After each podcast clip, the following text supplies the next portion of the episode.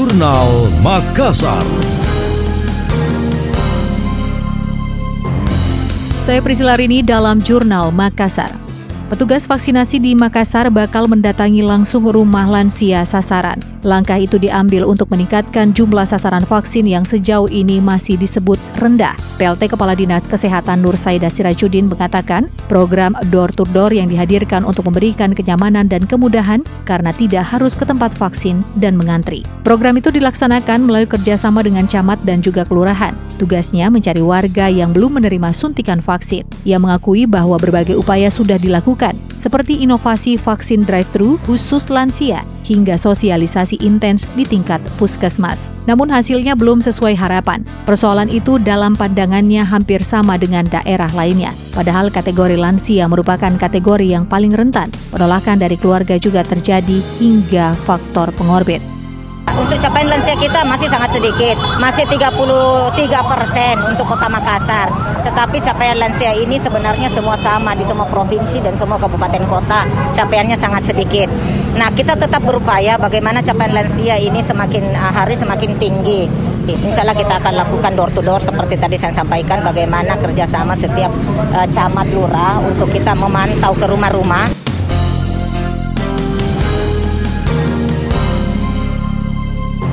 Data yang diterima dari Dinas Kesehatan, capaian vaksinasi lansia di Makassar baru 33 persen, masih jauh dari target sebanyak 101.284 penerima. Anda tengah mendengar Jurnal Makassar. Pemerintah kota melalui Dinas Kesehatan merespon keluhan ribuan petugas tim detektor terkait honor mereka. PLT Kepala Dinas Kesehatan Nur Saida Sirajudin mengatakan hak mereka terlambat diterima lantaran menemui kendala seperti administrasi.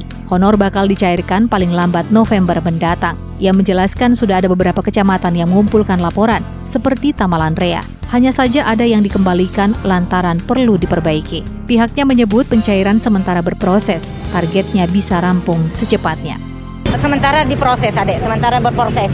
Dokumen-dokumen sudah ada ya sementara berproses uh, terkait honor detektor.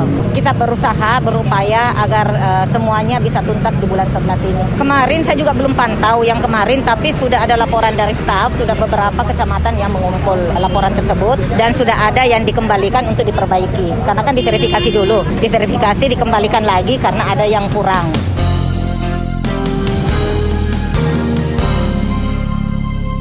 Diketahui total anggaran yang disiapkan pemerintah untuk membayar insentif relawan detektor mencapai 3 miliar rupiah atau senilai 300 ribu rupiah per orang selama sebulan. Sedangkan untuk tenaga kesehatan senilai 3,57 miliar rupiah atau 750 ribu rupiah untuk 5 ribu nakes. Tim detektor bagian program Makassar Recover bekerja ke rumah-rumah untuk mengecek kondisi kesehatan warga. Selain itu, pemerintah juga menghadirkan Satgas Pengurai Kerumunan atau RAIKA dan juga COVID Hunter, bagian untuk penanganan COVID-19.